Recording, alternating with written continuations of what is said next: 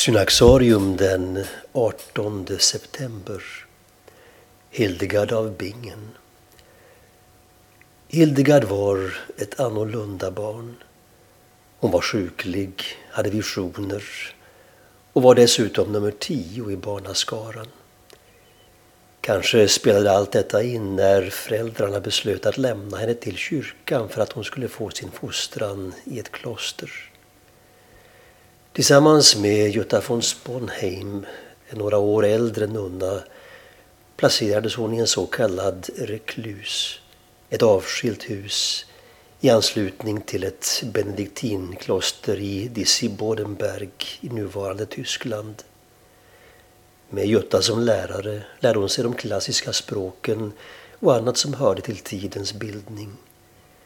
Tillsammans levde de enligt Benedikts regel och ryktet om deras fromhet spred sig i trakten. Unga kvinnor började söka sig till dem och reklusen blev snart ett kloster.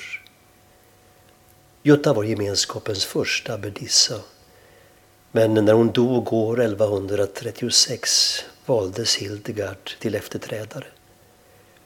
Under hennes ledning flyttade man från Disibodenberg till Rupertsberg i närheten av Bingen. Hildegard har haft visioner sedan hon var barn. Men först nu började hon, om än motvilligt, skriva ner dem. Hon beskrev vad hon sett och tolkade dessutom visionerna med hjälp av bibelordet. Uppenbarelserna finns samlade i tre böcker som gillades av påven och fick stor spridning under medeltiden. Förutom de mystika texterna hade Hildegard ett intresse för natur, örter och medicin.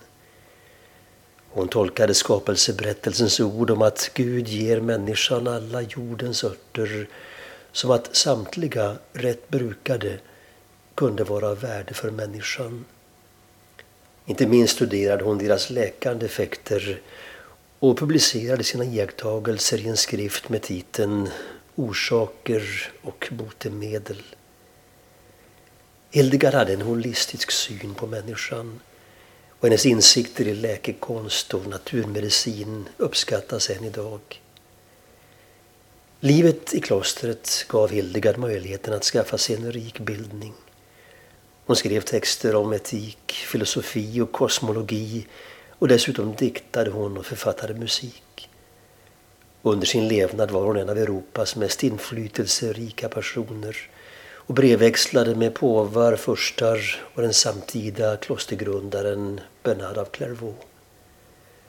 Hildegard avled stilla i sitt kloster den 17 september 1179.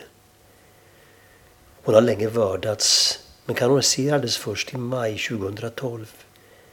I anslutning till det annonserade påven Benedikt XVI att Hildegard den 7 oktober samma år skulle utses till kyrkolärare.